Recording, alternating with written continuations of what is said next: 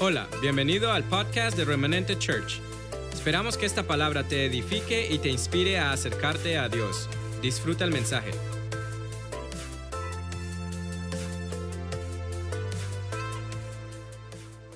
Yo sé que han estado hablando acerca de la bendición. Por ahí veía títulos. Rico, pobre, pobre, rico, algo así. Y es un tema muy interesante porque cuando hablamos de la bendición, a veces inconscientemente materializamos. Cuando hablamos de la bendición de Dios, siempre estamos materializando inconscientemente. ¿Por qué? Porque quizá en, nuestra estructura, en nuestra formación, en nuestra cultura, hemos establecido la bendición como algo material. Es la manera como nos la han proyectado, como algo visual. Pero yo quiero decirte que la bendición es mucho más que eso.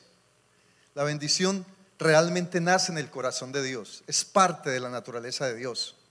La bendición, Dios mismo es bendición. Entonces, como nosotros tenemos a Dios, nosotros caminamos en bendición. Y, tenemos la capacidad, si caminamos en ese principio, de establecer bendición donde estamos. Entonces, necesitamos esa convicción antes de, de hablar de del resto, porque hoy quiero hablarte de tres cosas. Quiero hablarte de bendición, quiero hablarte de prosperidad y quiero hablarte de riqueza. Son tres principios que, que la Biblia toca, pero que no necesariamente son lo mismo, porque a veces cuando hablamos de prosperidad también pensamos en dinero. Cuando hablamos de bendición pensamos en lo material. Y obviamente la riqueza es entender que, que, es el producto de la bendición y es el producto de la prosperidad. Entonces, eh, entendiendo esto, podemos ubicar en nuestro corazón y en nuestra estructura, en nuestra mente, realmente como hijos de Dios, en qué caminamos y a qué apuntamos y, qué, y cómo visualizamos la bendición. Podríamos decir que la bendición nace del Espíritu, nace del Espíritu, que la prosperidad nace del alma y que la riqueza tiene que ver con el cuerpo, tiene que ver con lo material, porque es en el cuerpo que la disfrutamos. ¿Me hago entender? La bendición nace del Espíritu, porque es parte de la naturaleza de Dios. La prosperidad, dice la palabra, amados, yo deseo que seas prosperado en todas las cosas y en salud. ¿Cómo? O sea que el modelo de la prosperidad, ¿cuál es? Mi alma. Entonces, cuando el Hijo de Dios, y yo te lo puedo decir, hoy voy a hablar cosas de mi vida, yo nunca, saben que no, mis prédicas no tienen que ver ni con historias, ni con referente a, mí, sino con referente a la palabra. Pero, pero sí, esta es una parte donde, créeme, yo me siento con autoridad de hablar, porque por la gracia de Dios he podido vivir en esa dimensión de bendición, a todo nivel, a nivel del espíritu, a nivel del alma y a nivel también de lo material y, entender que los principios de Dios en nuestra vida nos dan la capacidad para caminar en bendición, para caminar en prosperidad y para caminar en riqueza. Y eso es parte de la estructura, es parte de la promesa de Dios, es parte de la naturaleza misma de Dios. Entonces, entendiendo esto, debemos ubicarnos en que nosotros como hijos de Dios heredamos, fue implantada en nosotros la naturaleza de bendición de Dios. Cuando dice la palabra en segunda de Pedro capítulo 1 versículo 4, que Dios nos ha hecho partícipes de su naturaleza divina, eso incluye lo que Dios es. Y Dios no no produce bendición, quiero que me entienda esto. Dios no fabrica bendición, Dios es bendición. Es bendición. La naturaleza de Dios incluye la bendición, como incluye la salvación, como incluye la sanidad, como incluye la libertad, como incluye eh, la restauración. Es parte de la naturaleza de Dios. Entonces, cuando vamos a hablar de bendición, tenemos que partir de ahí. La bendición no es, no es simplemente algo que, que yo lo tomo para materializarlo. La bendición comienza en la naturaleza de Dios en mi vida. De ahí tenemos que partir, de entender quiénes somos en Dios. Entonces, si Dios es bendición y yo soy hijo de Dios, yo tengo que ser bendición. Yo tengo que ser bendición. Tengo que tener esa convicción para poder caminar en la libertad de todo lo que esa bendición eh, promete, de todo lo que esa bendición contiene y poder liberar la prosperidad en mi alma y poder disfrutar de la riqueza en mi cuerpo. Entonces vamos a Deuteronomio, capítulo 11, versículo, vamos a leer del 26 al, ¿al qué? Al 32. Deuteronomio.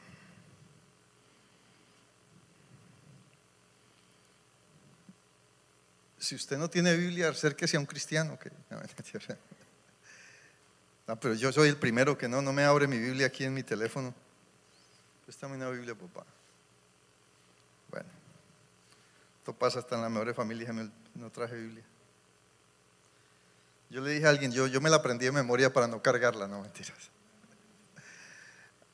Deuteronomio 11, oh gracias, disculpa que no. 11.26 dice, escucha bien, dígale que está al lado, oye, escucha bien. Ustedes porque están tan callados, siempre son así, se volvieron así, porque cuando yo me fui eran muy alborotados. Escucha bien, hoy te doy a elegir entre una bendición y una maldición. Recibirás bendición si obedeces los mandatos del Señor tu Dios que te entrego hoy. Pero recibirás maldición si echarás, si rechazas los mandatos del Señor tu Dios y te apartarás de él y rindes culto a dioses que no conocías. Cuando el Señor te lleve a la tierra y te ayude a tomar posesión de ella, pronunciarás Ay, Señor, un momentico que me perdió. Un momentico que... Téngame paciencia. 11, 26. Ok. ¿Dónde voy? Sí, yo creo, perdón, papá. Ok. 11 voy en el 29, ¿no? Y cuando el Señor tu Dios te haya introducido en la tierra, a la cual vas para tomarla, pondrás la bendición sobre el monte Gerizim y la maldición sobre el monte Ebal, los cuales están al otro lado del Jordán, tras el camino del occidente en la tierra del Cananeo, que habita en el Arabá, frente a Gilgal, junto al encinar de Moré. Porque vosotros pasáis el Jordán para ir a poseer la tierra que os da el Señor vuestro Dios, y tomaréis y habitaréis en ella. Cuidaréis pues, cuidaréis pues de cumplir todos los estatutos y decretos que yo presento hoy delante de vosotros. Hablamos de bendición, hablamos de prosperidad, hablamos de riqueza. Hay gente que es rica pero no es próspera y mucho menos camina en bendición. Entonces, de una manera u otra, la prosperidad, la, la bendición tiene que ver con el espíritu, con tu espíritu, el alma tiene que ver, perdón, la prosperidad tiene que ver con el alma, pero la riqueza tiene que ver con habilidad. Otra vez. La bendición tiene que ver con el espíritu, lo que somos, la naturaleza de Dios. La prosperidad tiene que ver con el alma. Amado, yo deseo que seas prosperado como prospera tu alma. O sea, ahí empieza mi verdadera prosperidad, en la condición de mi alma. Eso es un principio sine qua non, un principio que no varía. Si vamos a hablar de prosperidad, lo primero que tengo que pensar es cuál es la condición de mi alma. ¿Por qué? Porque ya soy bendición. Quieras o no, tú eres bendición. Si tú eres un hijo de Dios, tú eres bendición.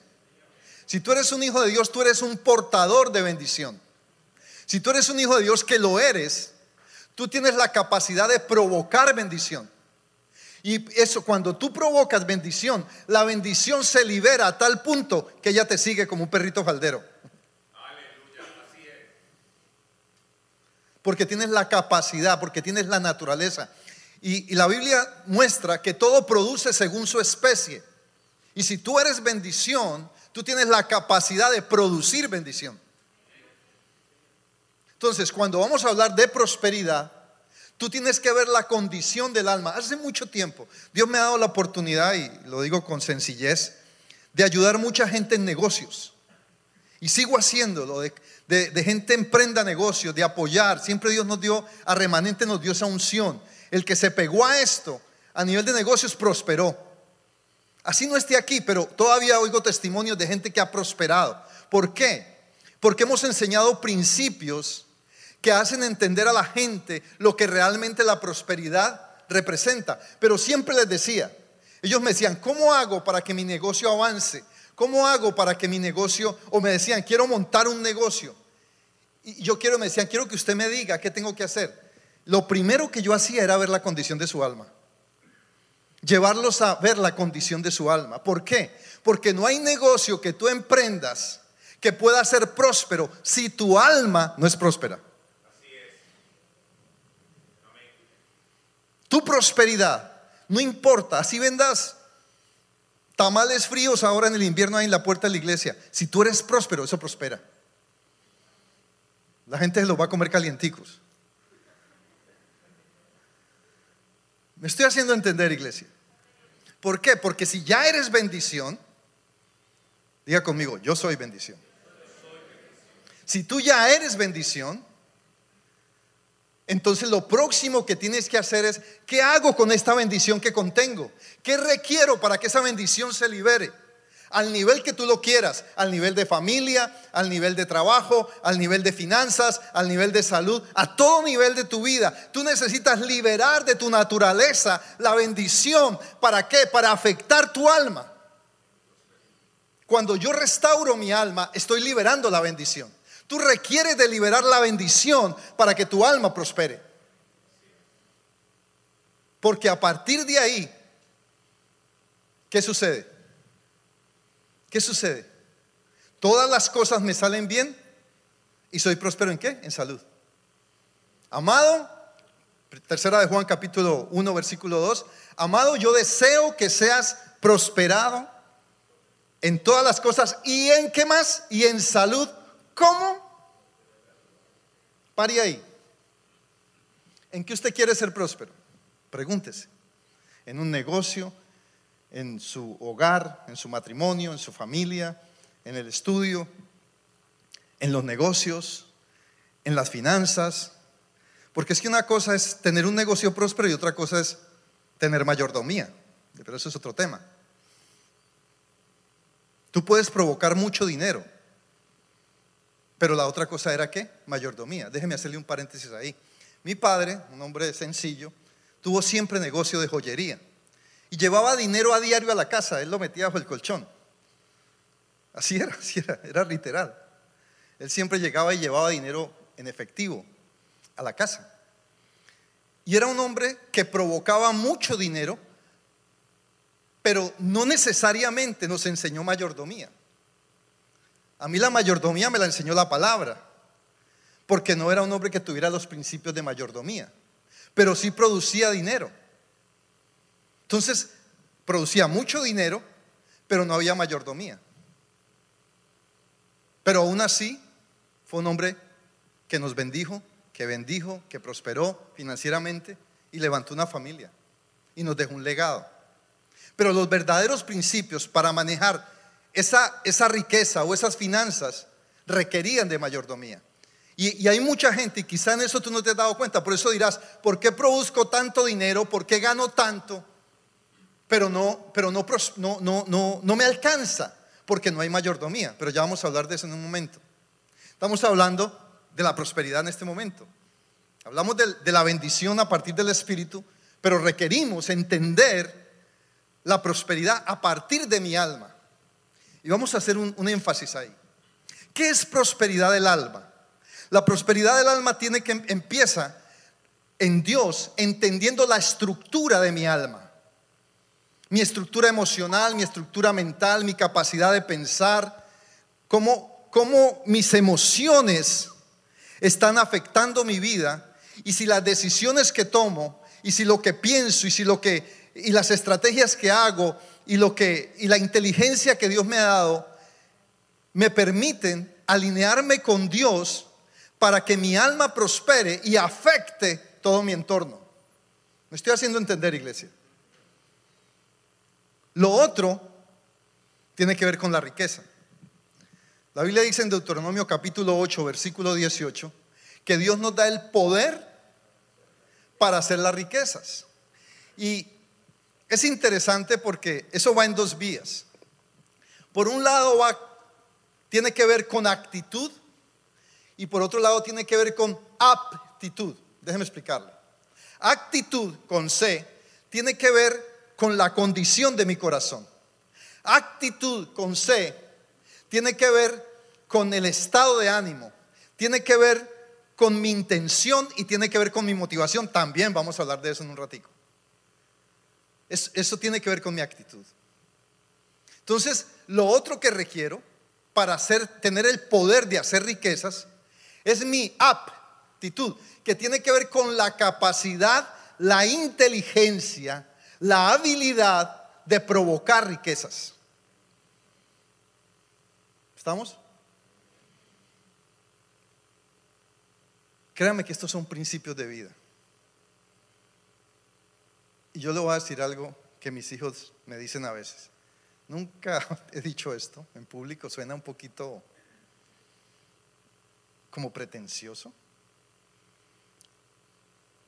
Pero especialmente Cristian me dijo un día, papá, si tú no hubieras sido pastor o, apóstol, tú eras millonario.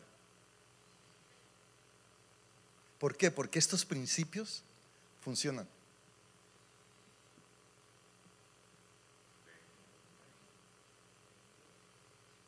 Porque cuando tú coges estos principios y los ordenas en tu vida y los implantas en tu vida, entonces se cumplen.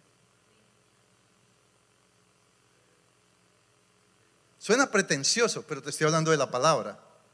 No te estoy hablando solo de la habilidad. Y la habilidad que Dios me ha dado, me la ha dado porque Él nos dio el poder para hacer las riquezas. Porque he entendido por años lo que es la bendición, lo que es la prosperidad y lo que es la riqueza.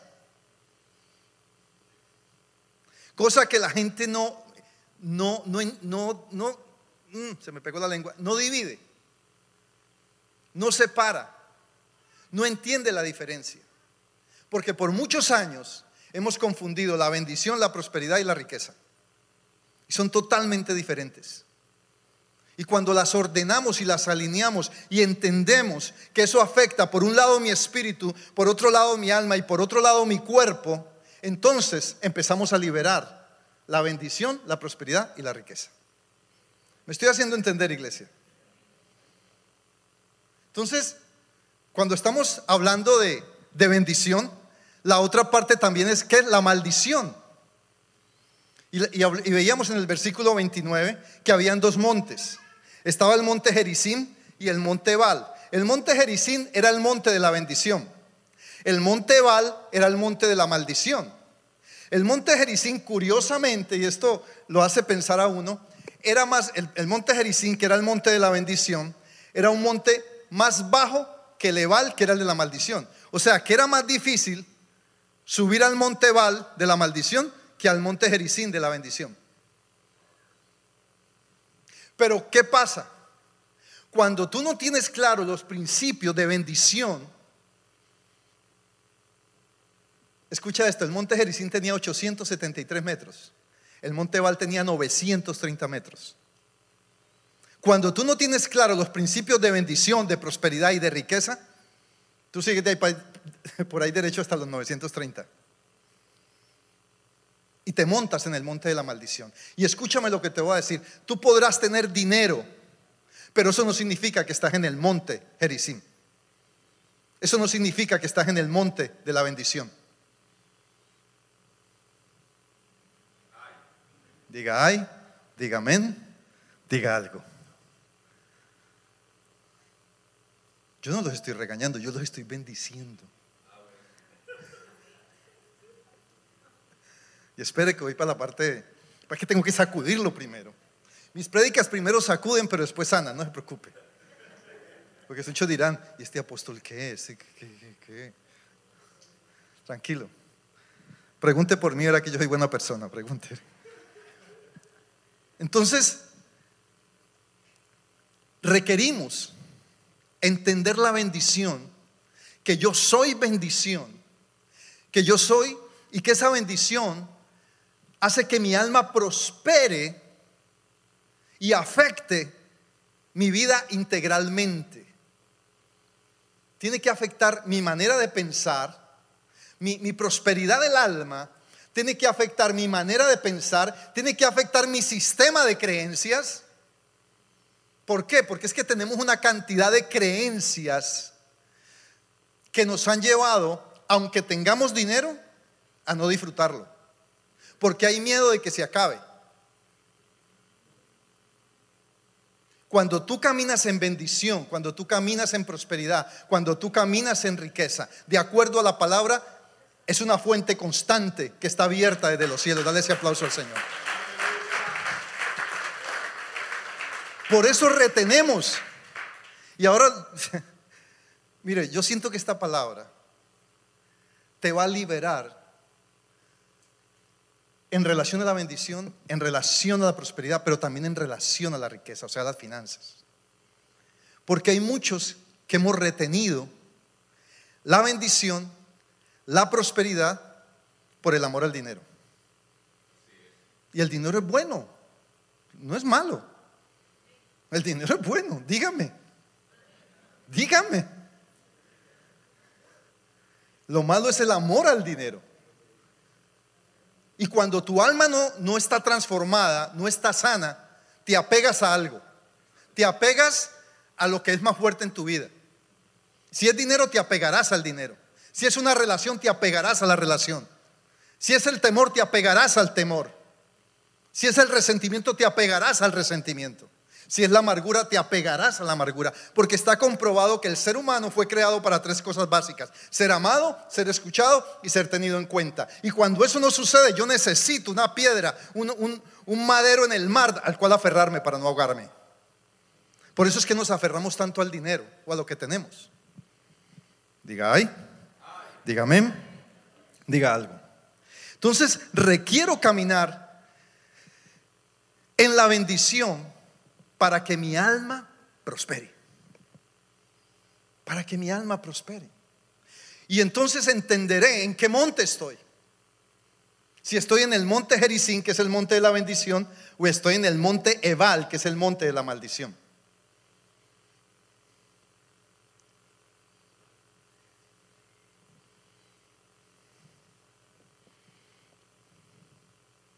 O sea que, entendiendo esto, este fundamento, que quería establecer este fundamento, que tuviéramos claro lo que la bendición representa o es, lo que la prosperidad significa y lo que la riqueza eh, opera o se mueve en los principios de Dios. ¿Cómo se mueve? Lo que me lleva a lo siguiente. Si ya soy bendición, eso tiene que ser una convicción en mi vida. Tiene que ser una convicción en mi vida. La bendición no es algo impersonal. La bendición no es algo que va y viene. La bendición no es algo que busco. De hecho, la palabra dice, ¿y estas bendiciones qué? Te alcanzarán. La bendición está diseñada para que trabaje en favor tuyo. Porque tú lo eres. Porque así como tu naturaleza biológica está preparada y está hecha para trabajar a favor de tu cuerpo, a favor de tu salud, la bendición, escúchame, está hecha, está diseñada por Dios para que trabaje en pro de tu prosperidad y de tu riqueza.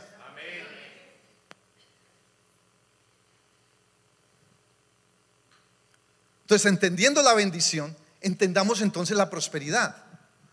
Te, te, di vuelta y te di vuelta y te di vuelta hasta que... ¡ah! Te di la estocada para que claves en tu corazón estos principios.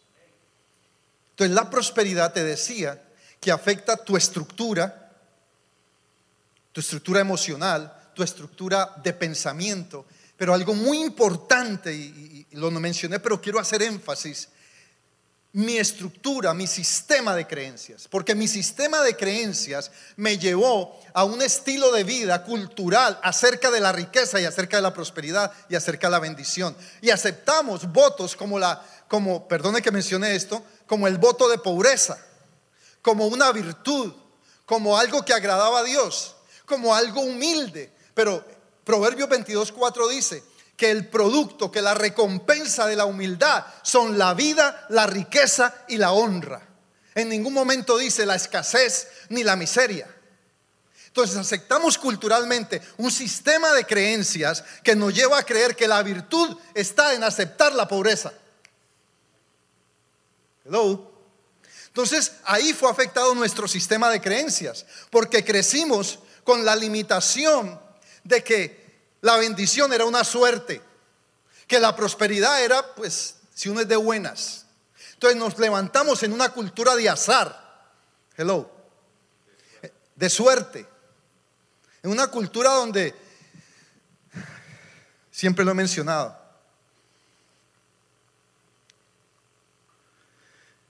si me resulta el negocito, es porque me convenía. Si no me resulta, ah, pues no me convenía. Eso es una cultura de suerte. Porque cuando tú caminas en principios eternos, mi negocio tiene que resultar. Si yo estoy caminando en principios, si soy un hombre que camino en bendición, una mujer que camino en bendición, en prosperidad y en riqueza, es porque Dios ha capturado mi corazón. Y ya voy para allá. Y cuando Dios captura mi corazón, dice la palabra en Proverbios 23, 26, dame, hijo mío, tu corazón. ¿Qué, tú crees que Dios quiere de mi corazón? Cuando uno entrega el corazón, ¿qué hace? Entrega todo. Enamórate y verás. Entrega todo. Entonces Dios no está tan interesado en nuestro dinero, en nuestra riqueza, como en nuestro corazón. Porque si Él captura tu corazón, tiene todo de ti, tú le sueltas a Dios. Entonces, ¿qué clase de corazón le estamos ofreciendo a Dios? Yo te doy esta parte, Señor, pero la parte financiera, todo to the Háblale a la mano. Entonces, estoy hablando de la prosperidad en este caso. Entonces necesitamos renovar, transformar mi sistema de creencias, porque venimos de un sistema de creencia de agüeros. Y con el dinero hay agüeros también. Hello. Hay gente que guarda un billetico de 100 en la billetera.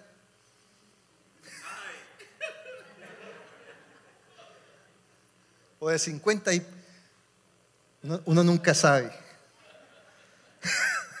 Se vuelve un amuleto el billete de 100 o de 20 o de...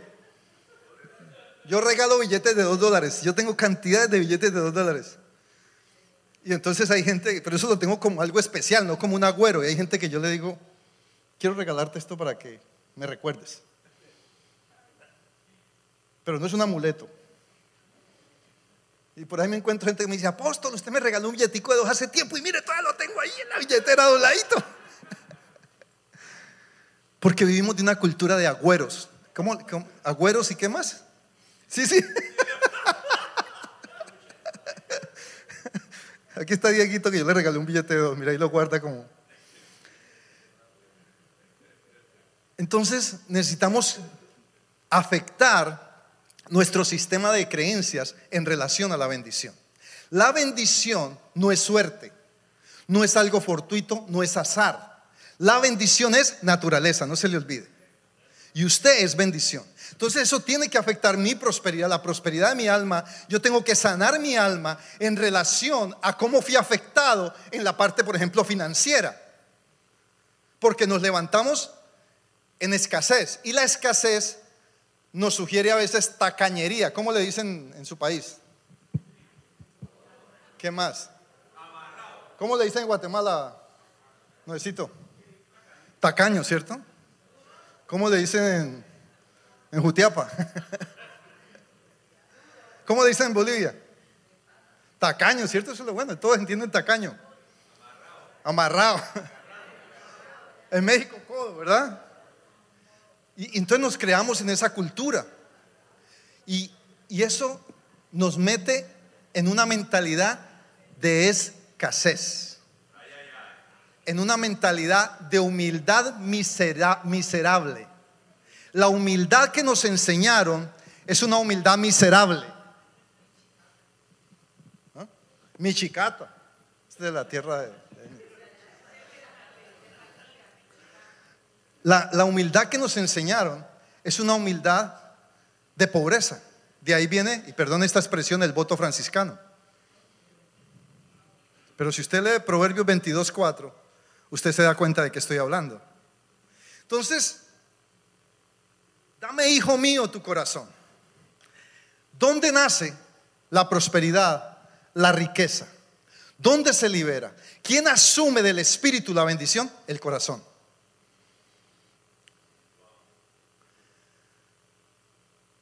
Hebreos capítulo 4, versículo 12. ¿Lo puedes poner en la pantalla, por favor, que quiero explicar esto?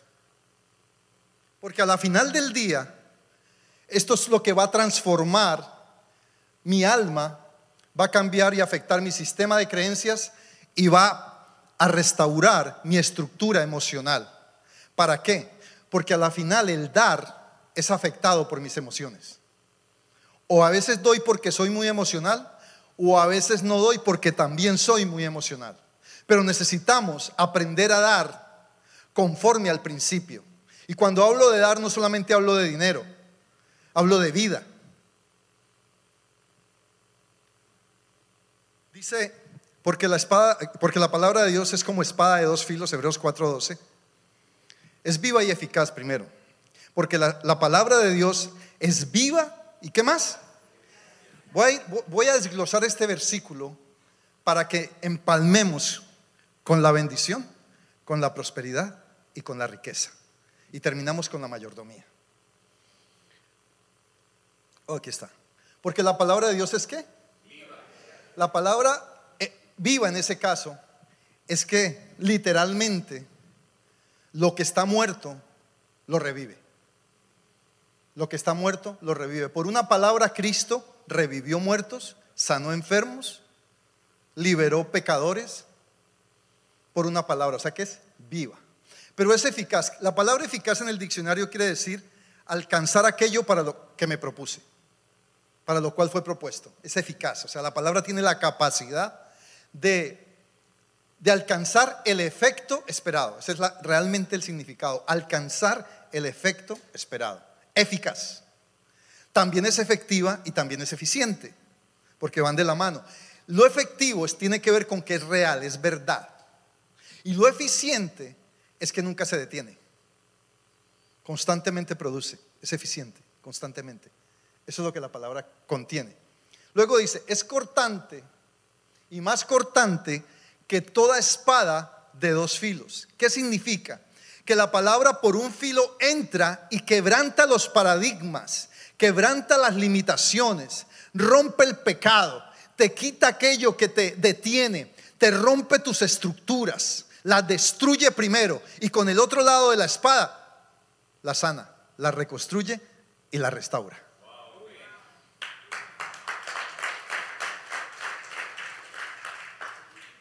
Cuando esto sucede, viene lo siguiente.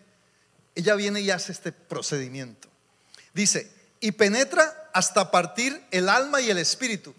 ¿Qué sucede cuando yo traigo un sistema de creencias afectado por la tradición, afectado por la cultura, afectado por las costumbres que me han enseñado en casa y hablando de la bendición, me, levantaron en escasez?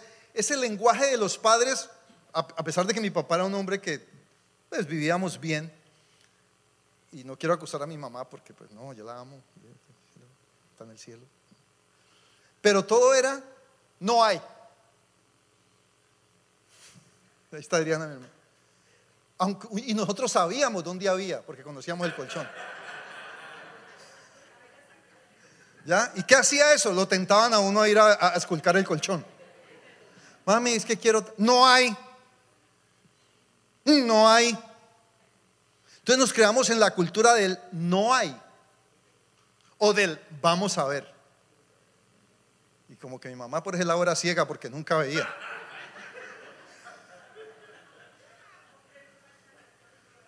¿Ah? Mi papá, yo le decía, papá, me compra tal cosa, unos zapatos, me dice, ¿en cuánto me los vende? Porque yo decía que me los comprara. O sea, coge o no la coge. Mi mamá le decía a mi papá, mi papá, este, esto siempre lo cuento y, es gracioso, pero representa mucho. Mi papá era un hombre muy generoso, para que así lo era. Mi mamá era más tacañita. Pero mi, papá tenía amigos y hacía negocios porque tenía joyería y cada rato lo tumbaban. Tumbaban era que le daban en la cabeza. O sea, él entregaba, como él era un hombre de palabra y los negocios eran de palabra y no se firmaba nada. Entonces le entregaba una mercancía de oro, anillos, cadenas y lo robaban. A veces amigos, amigos, amigos, que se perdían tres años y volvían y volvían y lo robaban. ¿Sí o no? No porque fuera tonto, es que era generoso. Pero mi mamá siempre le reclamaba, mirá, te la volvieron a hacer. Y mi papá le decía, tranquila mamita, no me lo pagó, pero se lo vendí caro. Entonces ahí paraba, paraba la discusión. Mi mamá se quedaba, ah, bueno, se lo vendió caro. Porque es lo único que le importa. Entonces, nos creamos en esa cultura de escasez, aunque hubiese. Y cuando venimos al Señor, entonces lo que nuestros papás nos hicieron, lo queremos desquitar con Dios. Y retenemos. Mi alma transformada le entrega el corazón a Dios y todo lo que Él contiene. La riqueza. Sigue el versículo, perdón, Osquitar. Entonces, ¿qué sucede? La palabra viene y coloca cada cosa en su lugar, hace una separación. Dice, penetra hasta partir. La palabra partir ahí es la palabra merismo en el griego, que tiene 12 significados, partir, separar, romper, dividir, eh, desquebrajar, ya penetrar. O sea, tiene... Entonces, ¿qué hace? literalmente la palabra viene y ubica el alma asociada con el espíritu, porque cuando venimos traemos una mezcla, un sincretismo, algo que, que emociones, sentimientos, conceptos, posiciones, criterios, ideas. Pero cuando esto sucede, establece que separación, principios en el alma y en el espíritu. ¿Me estoy haciendo entender? Pero aquí viene lo bueno que tiene la capacidad de afectar mi sistema a nivel del espíritu, a nivel del alma y a nivel del cuerpo. ¿Cómo? Dice que penetra hasta, ¿dónde? Hasta los tuétanos. Donde, donde está la médula ósea, donde está el sistema del ADN. Entonces afecta mi ADN. Cuando mi ADN es afectado, está comprobado que afecta mis pensamientos. Hello. Mi manera de pensar empieza a cambiar empieza a transformar mi alma. Y literalmente está comprobado que la palabra penetra y cambia el ADN nuestro. Y implanta e implanta el ADN de Dios. ¿Cuánto llevo predicando? Entonces, ¿qué sucede?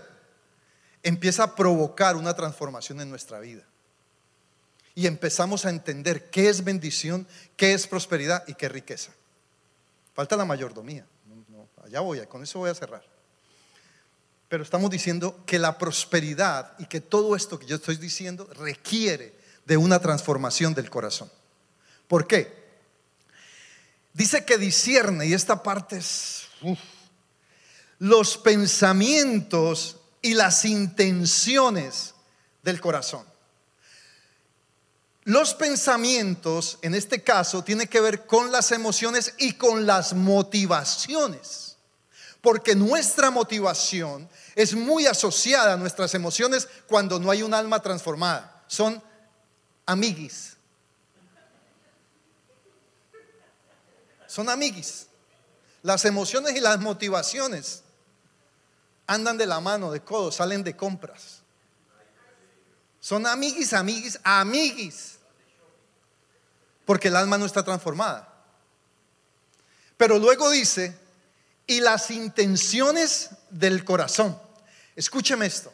Uno de los grandes problemas del cristiano, voy a ser efectivo con esto, tiene que ver con que no siembra porque sus motivaciones ligadas a sus emociones todo el tiempo cuestionan por qué lo hacen o no lo hacen.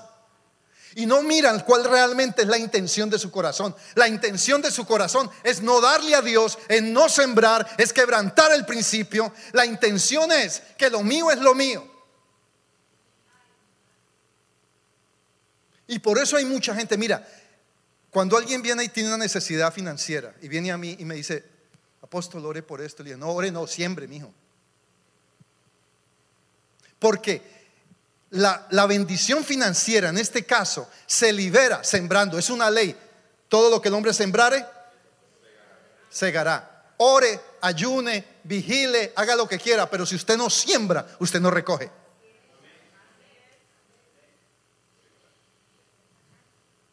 Entonces, tenemos dinero, pero estamos en el Monte Val. Y el Monte Val no reproduce, era seco era seco. Pero el monte Jericín era de bendición, porque era un monte reverdecido, era un monte de bendición, era un monte de productividad. Cuando tú entras al monte del Jericín, de la bendición, tú prosperas, tú multiplicas, Tú tienes la capacidad de agrandar tus riquezas a todo nivel. Tú prosperas, tú liberas bendición y le dejas bendición a tu legado. Es cuando hay herencia, es cuando sabes que haces herencia para tus hijos y no para ti. Dale ese aplauso al Señor. Bendición, prosperidad, riqueza. ¿De dónde sale? Del corazón. Yo, mira, me jalan la lengua ustedes. Créanme que me retengo de no decir ciertas cosas.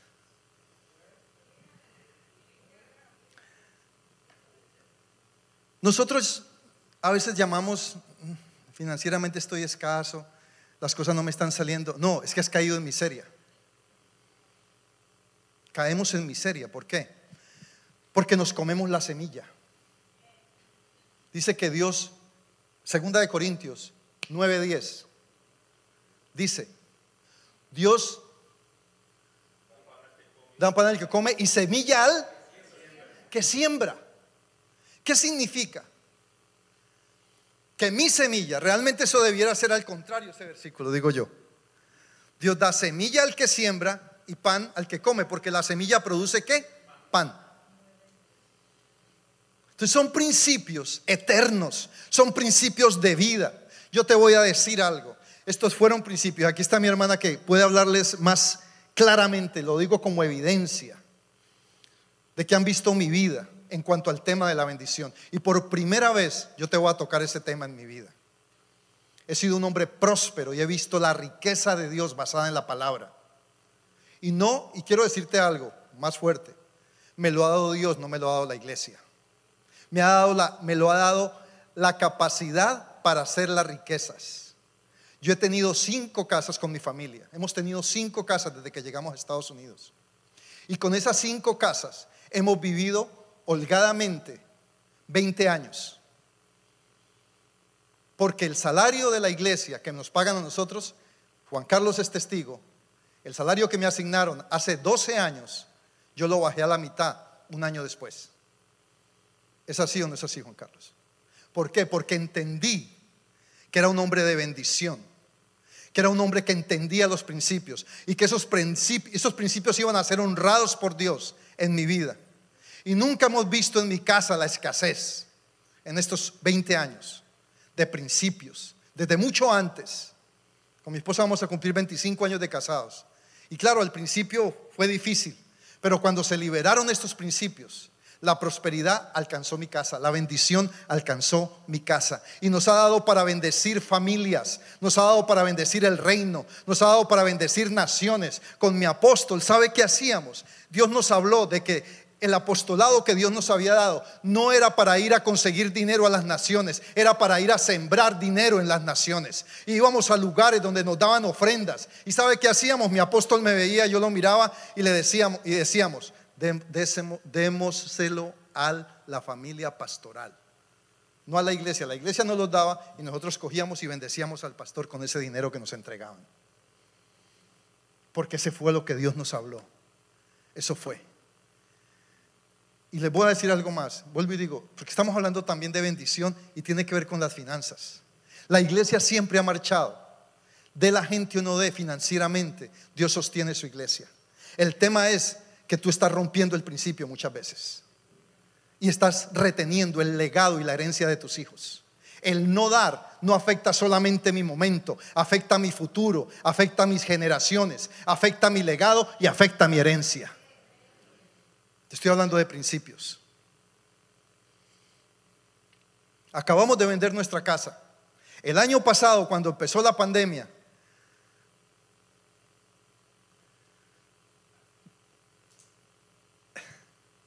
¿cómo digo esto? Porque no me gusta ostentar en la palabra, ¿no?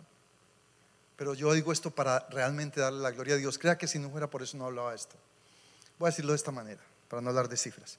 El año pasado, cuando empezó la pandemia, y aquí está la persona que, que es testigo de eso, que nos ayudó con la venta de la casa, la ganancia era la mitad de lo que nos dio un año después. O sea, y Dios nos dijo, esperen. Y un año después, la ganancia que nos dejó la casa fue exactamente el doble y un poco más. Eso se llama bendición, prosperidad y riqueza. Entonces yo sé de qué te estoy hablando. Y perdonen que mencione esto, no lo hago de una manera pretenciosa, pero tengo que mostrar evidencia de que estos principios funcionan. Dale ese aplauso al Señor. Entonces, ahí entra lo que se llama la mayordomía. Ya cierro, ya cierro, pastor, ya. La mayordomía. Yo sé porque yo estaba sentado ahí cuando alguien se alergaba en la prédica, yo decía, este man le dije que 45 y 20. Ya, ya es. Yo después de los 45 ya no veía nada. La mayordomía es la capacidad de administrar las riquezas la capacidad de administrar las riquezas. ¿Y sabes dónde empieza la mayordomía? En el dar. En el dar empieza la mayordomía. ¿Por qué? Porque el Señor de la mayordomía es Dios. Y el primer principio que Dios exige, demanda, es dar.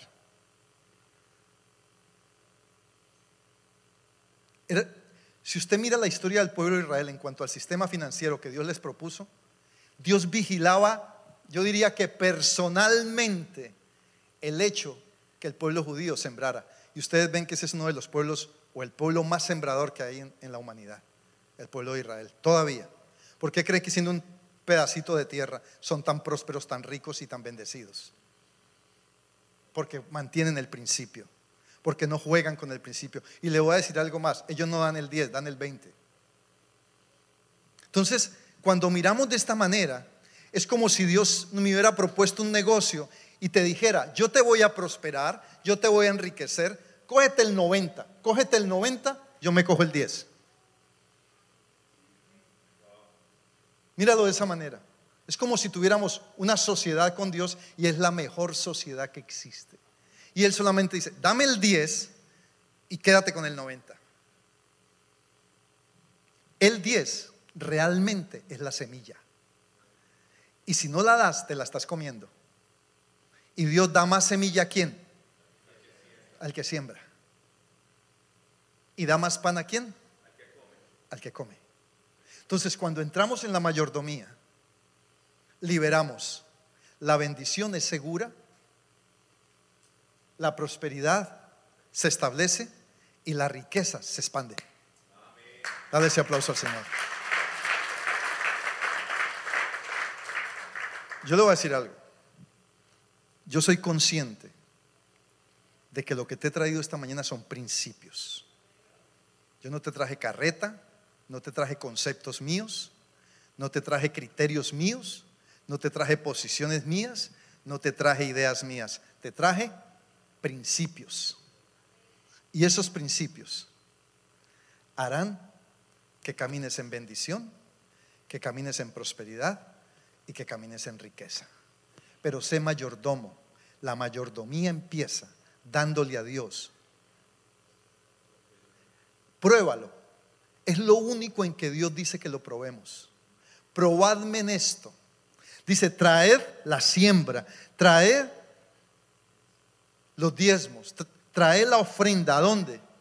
A la alfolí. La alfolí es el lugar de Dios. ¿Y qué más dice? Y probadme. ¿Cuántos aquí se atreven a probar a Dios? ¿Cuántos aquí? Voy a cerrar los ojos para no verlo. ¿Cuántos aquí se atreven a probar a Dios? Pruébalo. Y si no lo estás probando, pruébalo. Pruébalo. Y tú vas a ver lo que te estoy Va a ser un proceso. Esto no es una varita mágica. No crea que esto lo construimos a un día cualquiera amaneció y tin, no. Fue un proceso de convicción, de certeza, como la fe. Y hoy te puedo decir, y muchos que están aquí, que lo han vivido y que conocen estos principios, hoy pueden decir, la bendición nos ha alcanzado. Y lo vas a ver reflejado en tu parentela, que es lo más importante. La bendición y la prosperidad más grande que nosotros podemos tener son ellos, nuestros hijos. ¿Ya? El legado y la herencia. No cuando nos muramos, en vida. En vida.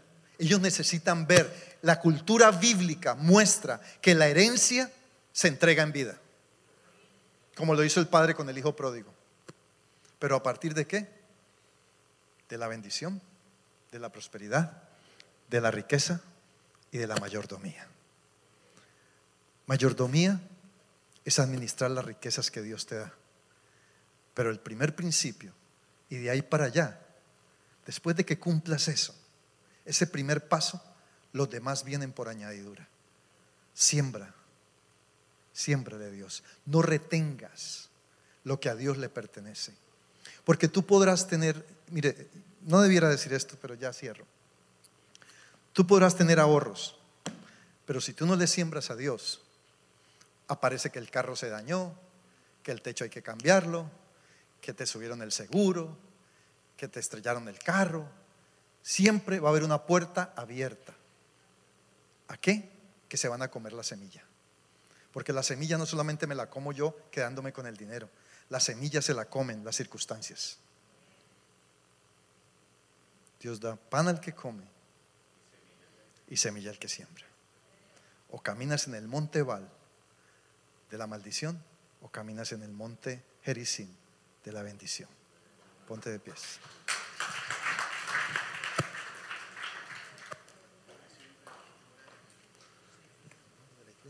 Vamos a decirle, Señor, yo soy bendición. Dígalo conmigo, yo soy bendición. Diga, soy portador de bendición.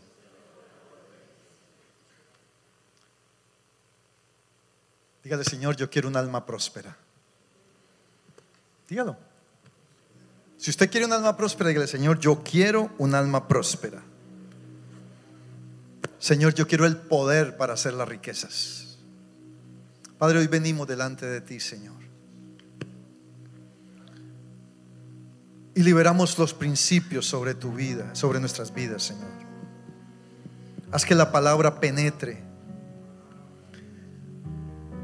y cambie nuestra intención, Señor, para que nuestra motivación sea conforme a tu corazón, Señor conforme a la intención del corazón.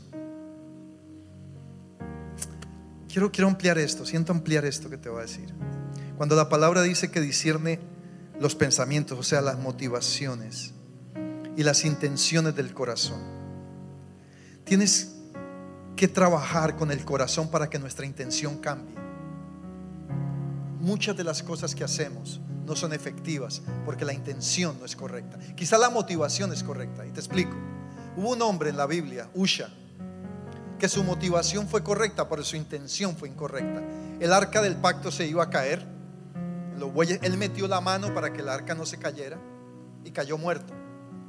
Su motivación fue buena porque era el arca de Dios, era la presencia de Dios, lo que representaba a Dios, y se iba a caer y él voluntariamente la trató de coger, pobre Usha, su, intención, su motivación no era mala, pero su intención no era correcta. Muchas veces cosas no suceden en mi vida y hay puertas abiertas de maldición porque mi motivación, movida por mis emociones, actúan separadamente de la intención de mi corazón, donde se ubican los principios eternos de Dios. Amén. Padre, gracias por esta palabra. Declaramos que cobra vida, que penetra hasta lo más profundo y que transforma, Señor. Yo declaro que esta palabra no cae en tierra, Señor, sino que hace aquello para lo cual tú la envías. En el nombre de Jesucristo. Amén. Y amén. Dios les bendiga. Esperamos que este mensaje haya sido de bendición. No te olvides de suscribirte a nuestro podcast y seguirnos en Facebook e Instagram arroba remanente church.